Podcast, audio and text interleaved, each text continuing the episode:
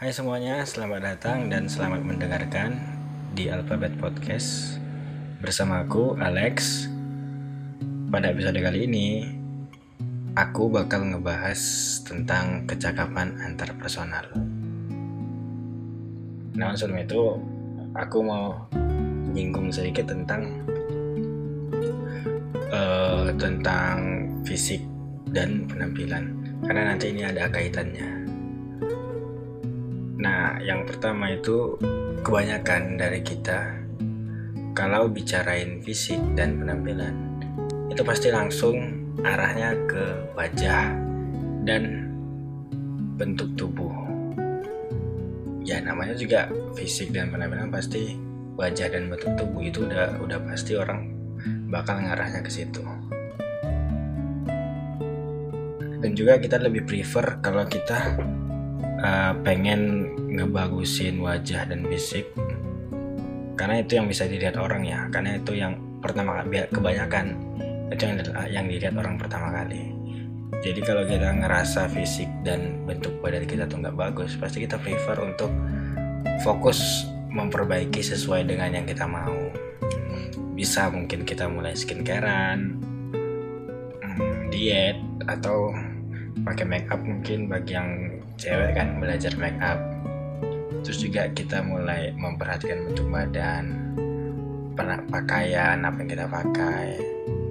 Ya pokoknya semuanya ngomongin fisik ya ngomongin wajah dan postur tubuh dan bentuk tubuh. Nah cuman kebanyakan dari kita lupa ada lupa ada yang namanya inner beauty. Buat yang belum tahu apa sih inner beauty ini? Inner beauty adalah kecantikan yang berada dalam diri manusia. Lahirnya dari mana?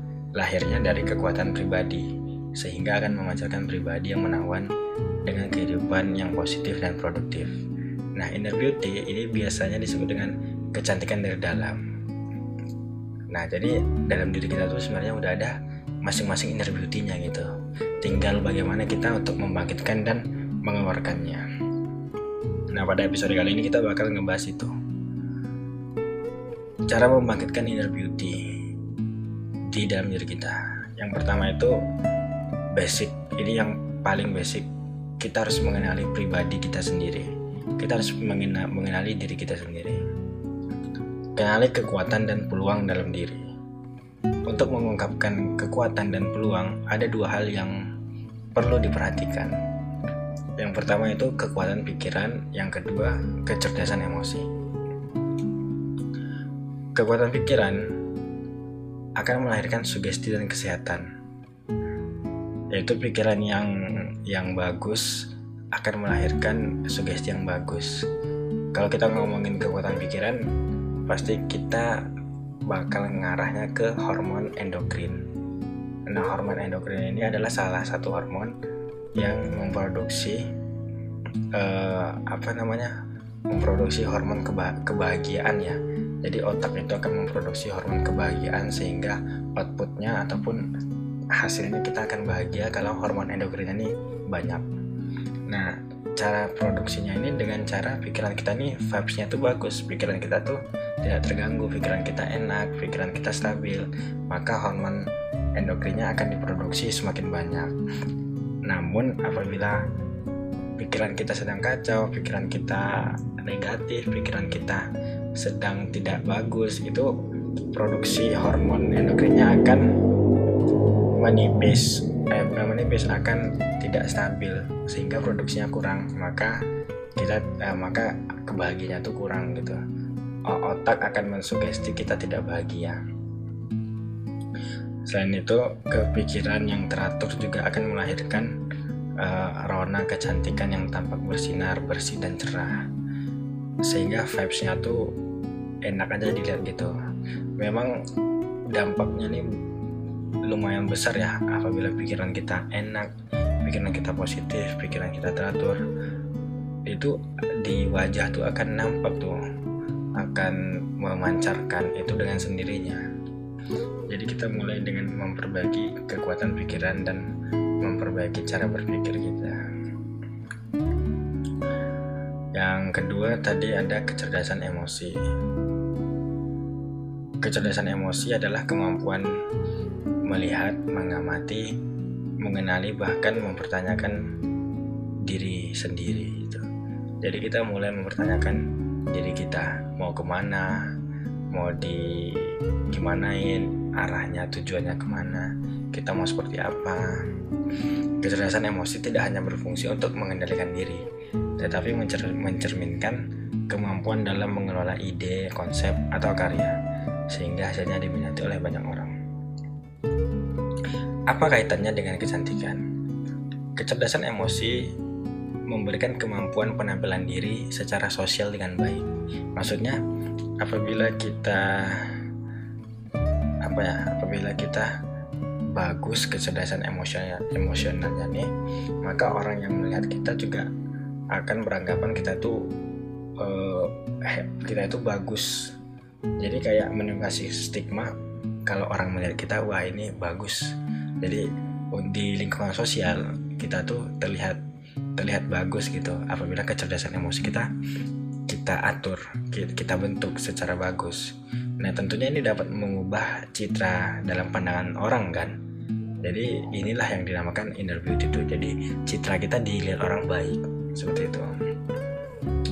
Selanjutnya ada uh, memper memperlaku atau memperhatikan emosi.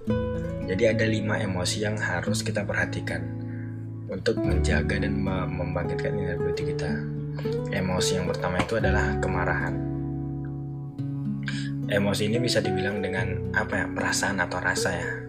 Jadi ada lima emosi yaitu kemarahan, susah, kegembiraan, rasa takut, dan kecemasan. Yang pertama kita bahas adalah emosi kemarahan. Kebanyakan dari kita apabila udah tingkat marahnya udah besar, udah tinggi, kita jarang bisa mengontrolnya jika tidak jika tidak terkontrol, kemarahan bisa menyebabkan tekanan darah tinggi bahkan gangguan hati atau liver. Nah ini tentunya untuk segi kesehatan kan nggak bagus. Nah kaitannya dengan kecantikan apa? Dalam hal kecantikan, eh, ketidakseimbangan akan memunculkan jerawat pada muka. Nah jadi apabila kita tidak bisa mengontrol marah kita, jerawat itu akan bermunculan karena apa karena stres biasanya gitu orang yang marah dia pasti stres maka hormonnya terganggu maka jerawat muncul jadi kita bisa mengontrol amarah kita hormon kita baik maka jerawat pasti bisa uh, pasti bisa stabil tidak muncul terlalu banyak gitu. Yang kedua itu emosi susah atau rasa susah. Rasa susahnya ini lebih ditekankan dari kesedihan dan menangis terisak-isak. Jadi kayak kita susah terus kita sedih terus kita sampai menangis. Ini jika kita tidak bisa mengontrol maka yang akan terganggu itu fungsi pernapasan. Gak bahkan bisa gangguan pencernaan. Terus karena kita stres rambut juga bisa rontok. Ya tentunya ini bakal bisa berdampak ya bagi tidak hanya inner beauty bahkan kecantikan dari luar pun juga bisa berdampak. Karena rambut rontok kan itu hal yang bisa dilihat gitu. Yang ketiga eh, rasa kegembiraan. Memiliki dampak yang baik bagi jantung apabila kita sering gembira.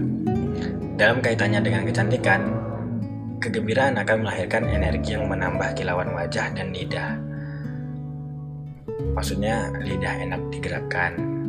Jadi kayak kita tuh lebih harmoni dalam tubuh tetapi jika kita tidak bisa mengontrol kegembiraan kita bisa lebih ke insomnia atau nervous.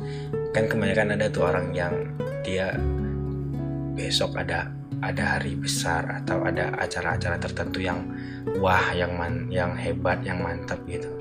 Nah mereka nggak bisa ngatur rasa gembira mereka mereka tuh nervous bahkan sampai insomnia. Ada tuh yang yang nggak bisa tidur gitu kan.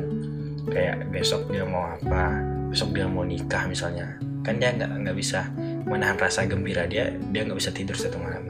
Nah ini efek efek yang apabila kita tidak bisa mengontrol kegembiraan kita. Kemudian yang keempat itu ada rasa takut. Rasa takut yang berlebihan bisa berujung pada kerusakan fungsi ginjal dan kandung kemih. Maksudnya kandung kemih ini apabila kita takut berlebihan, kebanyakan orang pasti langsung ngompol. Atau bahkan kita lihat di film-film ya, karena ada tuh orang yang udah takut banget kan digambarkan dengan orang yang tiba-tiba ngompol gitu, saking takutnya, saking saking cemasnya gitu. Nah hubungannya dengan kecantikan apa? Ini ternyata bisa menyebabkan kerapuhan tulang apabila kita sering cemas. Selain kerusakan ginjal dan kandung kemih, ini juga bisa menyebabkan kerapuhan tulang.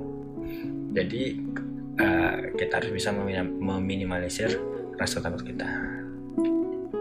Yang terakhir ada kecemasan.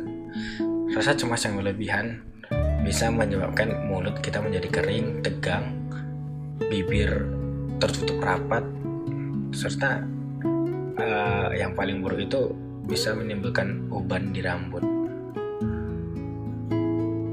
Bahkan dari beberapa studi kesehatan yang saya baca ya, ini juga bisa berakibat pada limfa, pankreas dan gangguan lambung.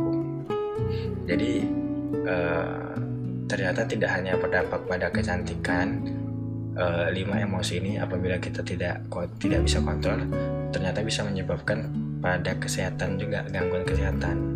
Nah tentunya ini uh, akan memperburuk inner beauty ya apabila kita tidak bisa mengontrolnya. Maka ini adalah lima emosi yang perlu kita perhatikan dan perlu kita kontrol. Uh, kemudian bagaimana membangkitkan inner beauty selanjutnya yaitu kita uh, bergaya hidup bersih dan indah mulailah bergaya hidup bersih dan indah. Kebersihan ini adalah pendukung inner beauty. Seseorang yang yang terbiasa menggunakan kata-kata yang indah untuk mengungkapkan semua hal yang ia rasakan, maka kata-kata itu menjadi sugesti, sugesti bagi dirinya. Sehingga dia ke-trigger ataupun dia terpacu untuk uh, membenarkan apa yang dia katakan gitu. Maksudnya ketika bangun tidur dia bilang wah hari ini aku harus melakukan hal yang baik aku harus melakukan kegiatan-kegiatan yang positif nah karena kata-kata itu udah dia bicara udah udah dia utarakan otak akan mensugesti bahwa hari ini dia harus melakukan itu nah tanpa sadar kita juga uh, dengan sendirinya akan melakukan hal-hal yang positif dan hal-hal yang yang bermanfaat gitu jadi uh, memang perkataan yang baik itu perlu ya juga akan mensugesti otak kita. Kemudian menjaga kesehatan rohani e, dengan dengan rutin beribadah. Bagi yang Muslim mungkin sholat atau berzikir itu akan mendatangkan hati yang tenang, pikiran dan positif. Tentunya akan baik bagi kesehatan dan bagi inner beauty juga akan memunculkan dan terpancarkan. Kemudian bagaimana cara membangkitkan inner beauty apabila uh, di kalangan sosial gitu, maksudnya apabila untuk orang lain. Ternyata inner beauty uh, bukan untuk diri kita, tapi untuk orang lain juga. Bagaimana caranya juga ada. Yang pertama itu kita mulai membiasakan hidup jujur. Karena di mana-mana orang jujur itu pasti akan disenangi semua orang. Kita jujur uh, berpikir positif. Kita benar-benar mengatakan apa yang kita punya apa yang kita kita tahu. Maka orang-orang di sekitar kita pasti akan memiliki pandangan yang bagus terhadap kita kita akan dianggap sebagai orang yang jujur dan jujur dan dapat dipercaya selanjutnya kita terbiasa uh, memegang amanat menjalankan amanat adalah kunci dan tanggung jawab serta kesetiaan. Orang yang diberi amanat dan dia tidak ingkar itu pasti akan disukai banyak orang, itu sudah pasti. Uh, yang terakhir ini adalah membiasakan menepati janji. Jadi lingkungan sosial ya, apabila kita terbiasa kita menepati janji yang udah kita kita buat, itu orang-orang pasti akan senang dengan kita. Ya, jadi dari semua ini dapat kita tarik kesimpulan bahwa inner beauty memberikan bentuk penampilan luar yang cantik dan menarik. Tetapi itu tidak dari polesan-polesan fisik, melainkan terpancar dari dalam diri seseorang, dari kultur dia, dari bagaimana dia bersikap. Maka apabila inner beauty-nya bagus, orang-orang juga pasti akan uh, suka dengan pribadinya. Karena cantik aja nggak cukup. Uh, mungkin ini aja uh, pembahasan podcast kali ini. Terima kasih sudah mendengarkan.